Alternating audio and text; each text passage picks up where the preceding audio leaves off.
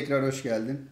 Geçen bölüm biraz saçma bir yerden kesilmiş oldu ama. Muhabbetin hızında bir ayarsızlık yaşadık resmen. Abi konu çok ilginç. Yani o kadar söylenecek söz var ki. Gerçekten bitmiyor. Savaş Bitmiyor. dedin mi alıyorsun Habil'le Kabil'den. Bravo. Gerçekten yani. İnsan tarihi oradan başlıyor neredeyse. Dökülen ilk kandan başlıyor.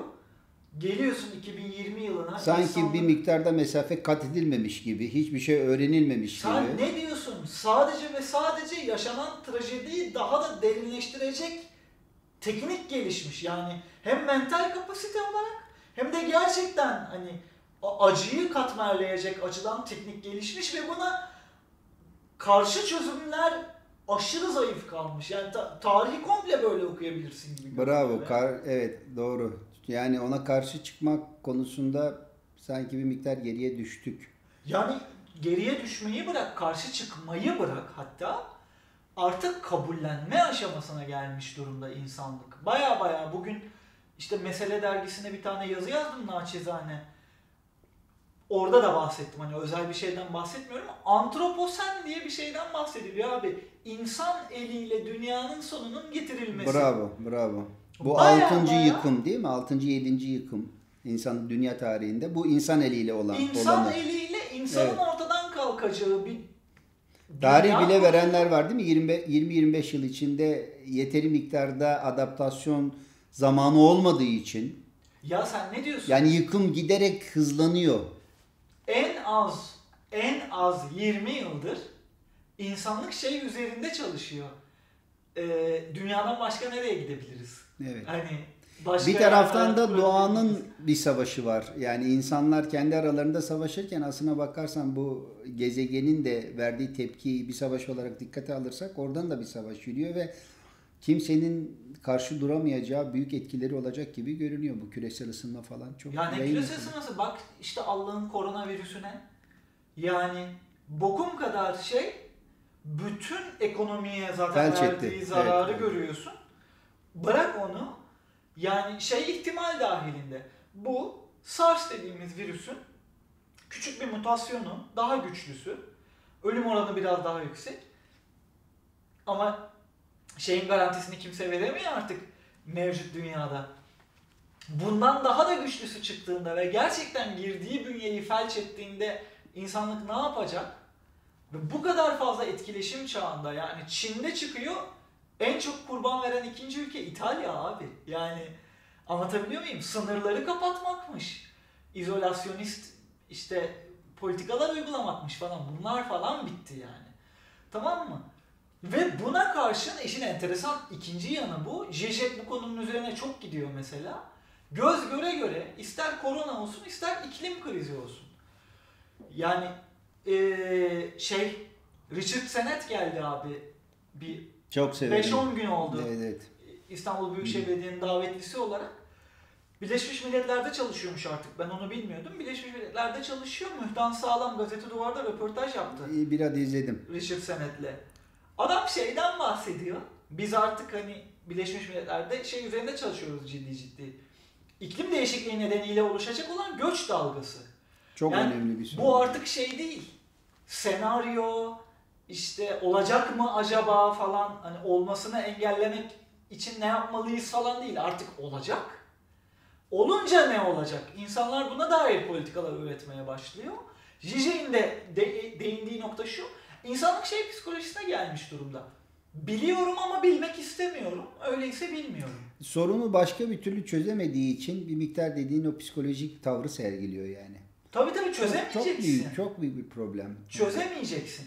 Yani çözemeyeceğiz deme noktasına gelmiş. Aslında çözüm de var. Yani sözüm ona yani en azından benim durduğum noktada bir çözüm var. Kolay bir çözüm Nedir abi? beraber. Tabii ki işte benden bir Marksistten duyacağım çözüm devrim. Çok basit. Komünel toplum kurulursa doğal olarak e, bu gereksiz tüketim toplumu azaltılırsa çünkü insan ihtiyaçlarının çok çok ötesinde bir e, tüketim ve üretim var. Bu- bunun önü alınırsa insanlık aslına bakarsan dünyanın kaynaklarının çok azıyla yetinebilecek bir nüfusta hala şu an. Yani yerleşim birimlerinin dünyadaki dağılımına bak aslında. 2-3 futbol sahasına sıkıştırılabiliyor insan nüfusu. Sıkıştırırsın yani hiçbir şey değil aslında. O şey Malthus'un şey denklemi doğru değil. İnsan geometrik artıyor ama e, gıda aritmetik artıyor. O yüzden insan nüfusunun bir yerde senin bir önceki e, sohbette söylediğin gibi bir yerde insan nüfusunun azaltılması gerekiyor. Meselesi aslında doğru değil. İnsan aslında gerçekten mevcut nüfus hız, artış hızıyla dahi kendi gıda çözümlerini üretebilir. Yani fiziksel hiçbir engel yok ama kendi yok oluşuna doğru göz göre göre gaza basarak gidiyor. Ya oradaki temel problem şu yani e, bütün yapıyı değiştirecek bir buluş ortaya atıldıktan sonra bunu engellemenin imkanı yok. Diyelim ki bir tür insan kopyalama mümkün yani şimdi. Ya bu gelişme devam edecek yani. Hani bunun bir türü etik tartışmaları falan yapılıyor yani. Ya bunu bir şekilde engellemek mümkün değil. Mesele o. Yani insanların vermiş ya artık e, tüketim toplumundan geriye dönüş çok kolay değil gibi. Vallahi aslında Yani herkesin herkesin araba sahibi olduğu bir dünyada aslına bakarsan yaşamak mümkün olmayacak. değil mi? kesinlikle haklısın. Olmayacak. Tam bu noktaya değinmek Ama bunu lazım. engellemek sanki mümkün de değil gibi görünüyor yani. Mümkün ama şöyle mümkün. Çok büyük bir ahlaki devrim gerekiyor. Baya baya ahlaki devrim gerekiyor. Buna yeni bir dinin ortaya çıkması da diyebilirsin. Ne dersen de. Ama o ahlaki devrim gerçekleşmediği müddetçe çok haklısın. Bugün orta sınıf bir vatandaşın yaşam biçimi işte karbon ayak izi hesapları. Evet. Kendi karbon ayak izini hiç hesaplattın mı Hesapladım bilmiyorum. hesapladım. Kaç çıktı abi? Ya tam hatırlamıyorum ama Açık Radyo'nun yayınladığı bir tane karbon ayak iziniz diye küçük bir broşür tadında bir kitap vardı. Oradan hesaplatmıştım. Ee, çok yüksek çıktığını zannetmiyorum. Ya yani. çok yüksek veya az yüksek ben sana söyleyeyim. Benim gibi bir insanın yaşam biçimi ki yemin ediyorum aslında o kadar tüketici bir insan değilim yani. Ben kimim ya? Ben bir kamu personeliyim yani. Benim yaşam biçimimle herkes yaşarsa, bütün dünya yaşarsa Yok olup gidiyor. 2.4 tane dünya gerekiyor. Benim hayatım bak. Ortalama bir İngiliz vatandaşının bunu is- isteyen araştırabilir. Ortalama bir İngiliz vatandaşı bak zengin bir İngiliz vatandaşından bahsetmiyorum. Ortalama bir İngiliz vatandaşı gibi yaşarsa 8 tane dünya gerekiyor. 8 ya. Allah kahretsin. Ortalama İngiliz vatandaşı. Ken Loach bunun filmini çekiyor. O ortalama İngiliz vatandaşının ne kadar acı çektiğini anlatıyor tamam mı? Ya bu ikisini yan yana koy. Gerçekten sürdürülemez bir şeyin içinde olduğumuz çok açık. Bunu kıracak şey şu. Yeni bir ahlak. Öyle bir ahlak ki insanların bu şey meselesi vardır ya ihtiyaçlarımı bırakın bana lükslerimi verin gibi böyle bir slogan vardır modern insana dair. İnsanların gerçekten çok sıradan beklentisiymiş gibi olan şeylerden feragat etmesi gerekiyor. Mesela işte 24 saat internet bağlantısı mı? İşte dünyayı dolaşma arzuları mı? İşte gıda diyetinin işte günlük diyetinin bu kadar çeşitli olması mı? Bunların her birinden feragat etmesi gerekiyor. Çünkü işte her gün yediğin o paket gıdalar bile başka yerlerden geldiği için işte veganlara yönelik en büyük eleştirilerden bir tanesi bu. Ne kadar bilimsel bilmiyorum ama birazcık da bilimsel çınlıyor kulakta. Öyle bir şey söyleniyor. Ya veganız diyorsunuz işte bu kadar doğayı sevdiğinizi söylüyorsunuz ama sizi beslemek için işte oradan soya geliyor, buradan bilmem ne geliyor. Aslında onların o eee, nakliye Elbette. endüstrisinin Harcanan enerji zarar devasa. devasa ve doğaya zarar veriyorsunuz falan diyorlar eee, veganlara vesaire.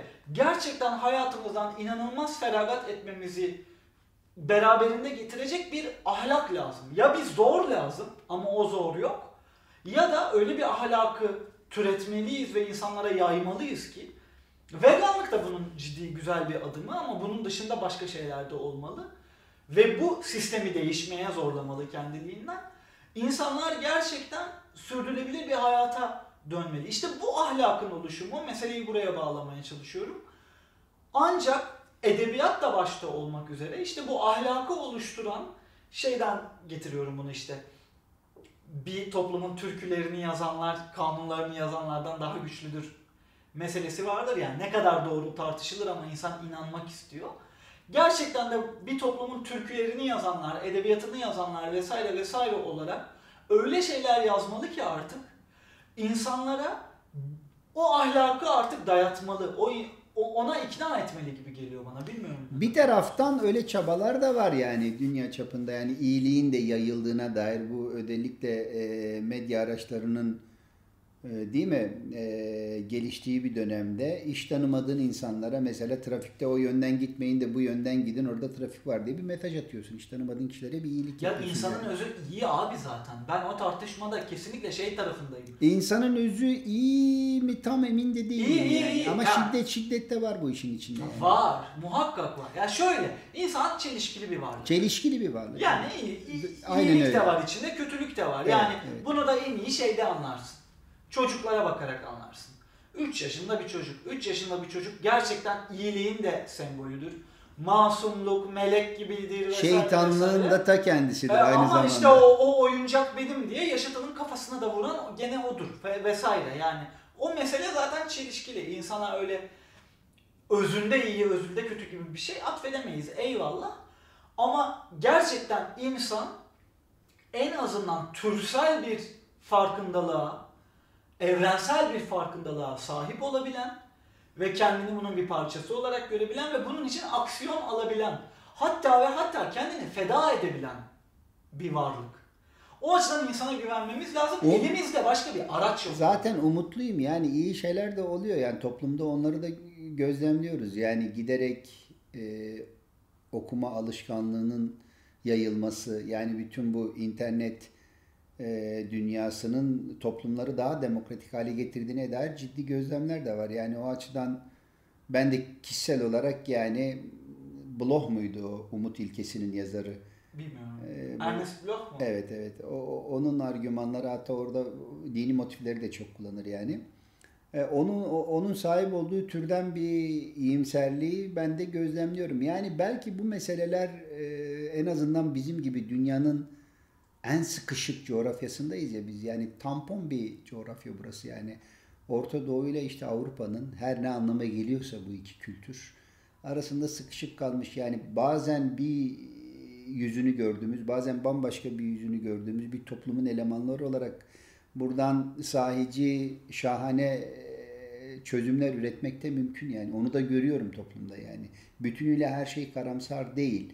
En azından ben kendi adıma söyleyecek olursam bütün bu savaş çığırtkanlığının içinde bütün bu hamasetin ortasında yani bir Kürt olarak hala e, e, yani kişisel olarak çok ciddi travmalar yaşamamakla birlikte onu da söyleyeyim hani işin e, mağduriyetini falan yaptığım yok. Ben kısmen bu toplumun e, rahat yaşayan insanlarından biriyim yani.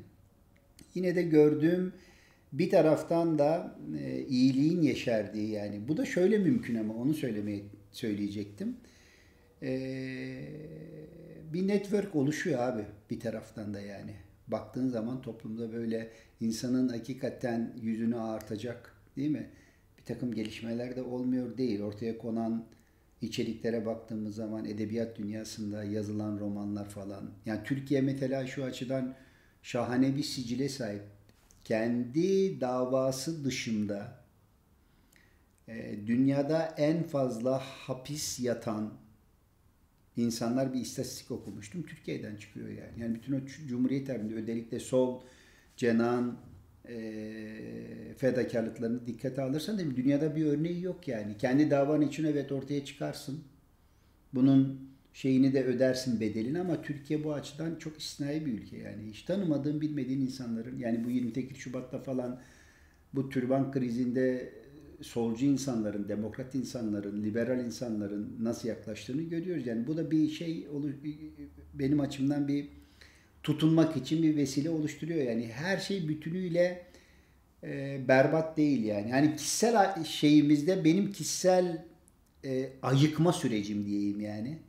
Nihayet bundan 20-25 yıl önce aptal adamın tekiydim yani bir şeylerin farkına varamıyordum ama öyle şeyler yaşandı ki bu ülkede Yani ben de kendi adıma ulan savunduğum şeyler ne kadar da eften püften taşma sapan şeylermiş noktasına gelebiliyorum yani. Kendi kendini düzelten imkanlar da veriyor yani gidişat. Bir taraftan e, çok tuhaf karanlık bir yere doğru gidiyoruz ama bir taraftan da ben toplumda çok güçlü hani ona iyilik damarı diyelim yani onu, onu da hissedebiliyorum yani. Hani bir miktar kendini daha rahat ifade ediyor olsa bu toplum ben eminim ki yani savaş karşıtı söylem çok yüksektir abi bu toplumda yani. Yani muhakkak. Anlatabiliyor muyum? Muhakkak, muhakkak. Musibeti Yani bu kadar iktidar- yaşayıp E, iktidarın bu kadar güçlü araçlarla insanların üzerine gelmesi falan hala tam olarak sindiremedi yani. O da diken üstünde duruyor yani. tabii tabii Ödü tam, tam da bunu yani. söyleyecektim. Yani Anlatabiliyor muyum? bütün kaynakların sağduyunun aksi yönde İşlemesine harekete rağmen- bir toplumda sağduyusunu öyle veya böyle korumaya çalışan bu kadar fazla sayıda insanı Var yani bu toplumda var. İnanılmaz. Ya ben aynı şeyi şeyde görüyorum. Geçen evimize bir arkadaşımın arkadaşı üzerinden bir Amerikalı konuk oldu da misafir oldu yani bir, bir birkaç sohbet ettik. Bu Sanders, Manders falan bir şeyler konuştuk. Amerika'dan yani her şeyi bırak. Ben bir de hani Amerika anti-emperyalizm vesaire söylemi üzerinden tamamen Amerika karşıtı ve Amerikan toplumuna dair hiçbir umudu olmayan bir insan var yetişmiş birisi olarak. Ağzım açık kaldı yani Sanders'ı Sanders iyidir kötüdür. Ben de Sanders'a öyle inanılmaz bir sempati falan beslemiyorum. Sanders kazanırsa da hiçbir şeyin değişeceğini de zannetmiyorum. O apayrı bir mesele. Ama Amerika gibi antikomünizmin doğduğu topraklar diyebiliriz neredeyse. Antikomünizme en çok yatırım yapan, bunun için özel operasyon birimleri kurulan, yani CIA'in kuruluşunda baya baya Nazilerden e, propagandist devşiriliyor. Abi yani. bütün Nazileri alıp işçi olarak çalıştırdılar. Böyle bir toplumda Amerikan toplumu. Bernie Sanders sosyalist etiketine sahip ama neredeyse demokratların adayı olarak konuşuluyor. Hani olmayabilir, önü kesilmeye çalışılıyor. Ve neredeyse kazanacak. Ya Amerika'dasın. Sen zaten birinci dünyanın birincisisin kardeşim. Yani hani şeyden bahsetmiyoruz. Nepal'den bahsetmiyoruz. Uganda'dan bahsetmiyoruz. Sen Amerika'sın. İnsanlar sosyalizm öcüsüyle korkutulamaz hale gelmiş. Yani ne nasıl bir orada psikolojik altyapı olduğunu düşün. Öyle bir şey olursa evet dünya adına umutlanmak için geçerli sebepler var ama kaynaklar basında baktığın zaman karşıda gerçekten o kadar fazla kaynak var ki. Ve sürekli her an o kadar fazla yatırım yapılıyor ki o açıdan korkuyorsun. Hani savaş meselesine bağlayacağım. Boston Dynamics köpek üretmiş ya. Robot köpek üretmiş. Köpeğe böyle izlemişsindir o İzledim. videoları. Sopayla vuruyor, bir şeyler yapıyor. Ya abi köpeğe bir şey olmuyor. Yani biz polis köpeği K9'dan nerelere geldik? Ya yarın ben bir gün ben sokağa çıktığımda karşımda robot köpeği gördüğümde ben ne yapacağım ya? Öldürsen bir şey değil. Hani oradan bir acı üretemiyorsun. Karşı şiddet ürettiğin hani maddi karşılık dışında bir karşılığı yok verdiğin şiddetin. E yenmeye çalışsan yenemiyorsun. Muhteşem programlanmış. Nihayetinde seri üretimi de var. Pezevenk artık titanyum mudur, fransiyum mudur, ne zıkkım mudur belli değil. Periyodik cetvelin neresinden çıktığı belli değil o hayvanın. Hayvan mı artık o şeye ne, ne demek gerektiğini de bilmiyorum. Hani bir yandan böyle bir senin üzerinde denetim, kontrol ve zor mekanizmasının da mükemmeliyete eriştirildiği bir dünya var. O yüzden nereye gitmek lazım bilmiyorum ama ben bir önceki sohbetimizden de ilhamla bir kitap önermek istiyorum hani müsaadenle. Gerçekten de tamamen bir zamanlar öyle yani pasifizm yolunda mı ilerlesek diye düşündüm. Şu an pasifist olduğumu da düşünmüyorum ama bu tartışmayı derinleştirmek adına, en azından beslenmek adına Jose Bove ve bir kişi daha vardır. Fransız bir aktivist Jose Bove. Bir ara hatta başkanlık adayı falan da oldu. Sonra Avrupa Parlamentosu üyesi falan da oldu. Ee, sivil itaatsizliğe çağrı diye bir metinleri var. İletişimden çıkmıştı yanılmıyorsam. Sivil itaatsizliğe çağrı kitabını hani herkese bir öneririm. Sivil itaatsizliğe çağrı çok güzel bir şekilde işte Henry David Thoreau'lardan alıp e, Gandhi'lerden vesaire alıp insan şiddetsiz bir biçimde ahlaksız bulduğu şeylere karşı neleri göze alabilir, neler yapabilir? Tabii ki karşılığında ödenen bedeller var. Yani sivil itaatsizlik demek bir yandan suç işlemek demek. Ama şiddetsiz bir suç işlemek demek ve toplumu bir farkındalığa yönlendirmek demek. neler yapılabilir üzerine en azından bir beyin fırtınasını tetikleyecek bir kitap olarak Sivil ita- itaatsizliğe çağrıyı önermek isterim. Senin de önereceğin kitaplar varsa, filmler varsa Ya ben bir kitap önermekten ziyade kendi açımdan bu tür konuların nasıl ele alınması gerektiğine dair bir iki şey söylemek isterim. Yani yani yazıp çizen birisi olarak benim de birinci bölümde söylediğim gibi yani üzerinde çok fazla düşündüğüm ve yazdığım bir konu kötülüktü, şiddetti. Yani e, şunu görüyorum, e, son tahlilde bütün bu resimler e, kurbanın ifşa edilmesi üzerinden değil de kötünün, failin e, ifşası yani onu tanımlamak lazım, o profili falan ortaya çıkarmak lazım. Bu belki yani belgelenmesi açısından elimizde ciddi bir onlara karşı nasıl mücadele edilir yönünde bir şey, dokümenter şey oluşturur. Tam da şey 8 Mart yakında var. Evet. Gerçekten bu kadına şiddet meselesinde Saçma sapan o davallı kadınların resmedilmesi falan benim şiddet midemi görmüş bulanıyor. kadın Ya çok korkunç yani. ama şiddeti Evet. uygulayanın kim olduğunu Tabii. sürekli muğlak Asıl asıl mesele odur yani. Çok büyük bir ahlaksızlık, çok doğru bir yani edebiyatı buradan işlemek lazım. Bu mağdurun artık ne düşündüğünü dair. Ben mesela o tür böyle e, kanserli çocukların falan çığlıklarını gösteren videoları daha çok şey yapmıyorum yani. Yani izlemek doğru da değil. Sadece umutsuzluğu artırıyor. Bir de şey de yaratıyor tabii. Hani kanıksama duygusunu da Alıştırıyor tabii alıştırıyor ki. da sürekli duygusu. faili gösterip sürekli onun profilini ortaya çıkarmak Tabii, çok tabii. daha doğru bir Hatta tavır. bu- Bir bunu yapmak lazım. Çok Arifçim. affedersin. Hatta e, şey de söyleyecektim. Hatta bu distopyaların günümüzde neredeyse ana akımlaşmış olmasını birazcık komplo teorisi de olsa çok gerçekçi geliyor bana. Şey açısından okuyan e, yorumlar var. Gerçekten alıştırılıyor. Yani Abi hem alıştırılıyor hem de tehdit duygusuyla toplumlar yönetiliyor artık ya. Evet. Herkes her an endişe ve tehdit duygusuyla sağa sola savruluyor. Yani bu tür böyle panik halinde insanların yönetilmesi daha kolay. Bunların komplo teorisi olmaktan öte gerçeğe değen tarafı var. Bir edebiyatta e, kötülüğü zalim üzerinden tanımlama konusu benim için çok önemli. Zaten bunu yapmaya çalışıyorum ama çok tepki çeken bir konu. Hemen linç ediyorlar. İkincisi bir de şunu da önermek isterim ben. Yani iyiliğe dair e, farklı kültürlerden o kadar çok e, hareket görüyorsun ki o zaman insan olmanın ne anlama geldiğine dair düşünüp duruyorsun. Daha evvel bir tane bankada çalışıyordum IQ şey e, IT departmanında. Yani benim bütün arkadaş ben iş analisti olarak çalışıyorum. Bir de kodcu arkadaşlar vardı yani. E, ve benim bulunduğum çevre e, muhafazakar, dindar bir çevreydi. Arkadaşlarım öyle insanlardı. Gazetede bir yazı e, okumuştuk. Bu göçmenlerin Ege Denizi'nden Türkiye'den Yunanistan'a geçerken botlarının falan batmasıyla ilgili Avrupa menşeili daha çok Yunan aktivistler o güzergah üzerinde abi o renç üzerinde menzil üzerinde 5 işte 1 kilometre aralıklarla 10 çarpı 10 dubalar yapıyordu. Yani gönüllü tipler plastikten dubaları güdergaha şeylerle e, işte anla e, sabitliyorlar. Amaçları şu inanılmaz bir hareket Batan ya. olursa Batan olursa tutunsun. Aha. Ben de bu şeyi e, haberi oradaki arkadaşlara falan gösterdim yani. Abi o dindar insanların hiçbirisi orada olup bitenin nasıl bir iyilik olduğuna dair bir fikir üretemediler yani.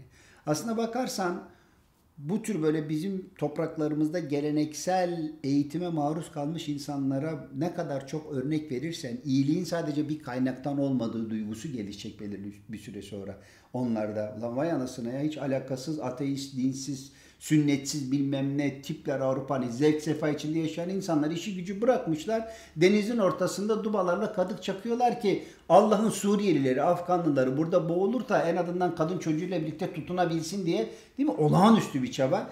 Belki bunlar çok fazla gündeme getirilmeli. Hani umut açısından. Bir daha da ben söylediğim şekilde içerik üretirken biz hep düşmanı, kötüyü e, resmetmeliyiz yani. Bu, bu, bu iki yaklaşım. Bir de fedakar kahramanları işte. İşte az evvel onu söyledim ama. yani. Onu yani söyledim. hiç unutmadığımız isimlerden bir tanesi. Sen şimdi mesela bu Ege'deki Duba meselesini söylerken bak eee, Filistin meselesinde ne kadar şehit verilmiştir, ne kadar can kaybı yaşanmıştır ama Rachel Corrie'nin ismi Bravo. kolay kolay Bravo. unutulmaz. Onun annesine yazdığı günlükler ha- hatırladıkça benim tü- olağanüstüydü ya. Ama tabii o da İslamcıların sakızı haline geldi lanet herif. Ne yazık ki. Ne Yani. yazık ki aslında Rachel Corrie gibi hakikaten kendisini hiç ilgilendirmeyen insanlar için ve bunu İlgilendirmediği zannedilen e, ya Evet. bunu bunu da şey annesine falan yazdığı günlüklerde zayıflığını falan da söylüyor. Olağanüstü harika. Anne diyor mesela dans etmeyi, öpüşmeyi erkek arkadaşlarımı çok özledim diyor. Yani kız da şey değil, makine falan değil. Yani böyle bütünüyle iyiliğe kurgulanmış hiç dünyadan bir şey anlamayan bir tip de değil. Onun da bir takım beklentiler. Buna rağmen bütün her şeyi geride bırakıp bembeyaz bir Amerikalı orta sınıf birey olarak bir kadın olarak gidip orada olağanüstü de bir final oldu. Keşke olmasaydı. Hakikaten bunların gündeme getirilmesi yani tabii bu işi de böyle çok sömürmeden yani biliyorsun o ağdalı hale getirip işte onun romantizmini yapmadan daha soğukkanlı böyle herkesi aktive etmek bu uğurda biraz çaba harcamak yani bir en azından hani dediğim gibi laf söyleyen değil mi yazıp çizen insanlar olarak bunları gündeme getirmek durumundayız. En azından bu kadar bir sorumluluğumuz olsun. Eyvallah. Yani son olarak savaşa hayır demenin bu kadar zor olduğu bir atmosferde bunu söylemek icap eder yani. Eyvallah başkan sağ olasın. Eyvallah. Hadi görüşmek üzere. Görüşmek üzere.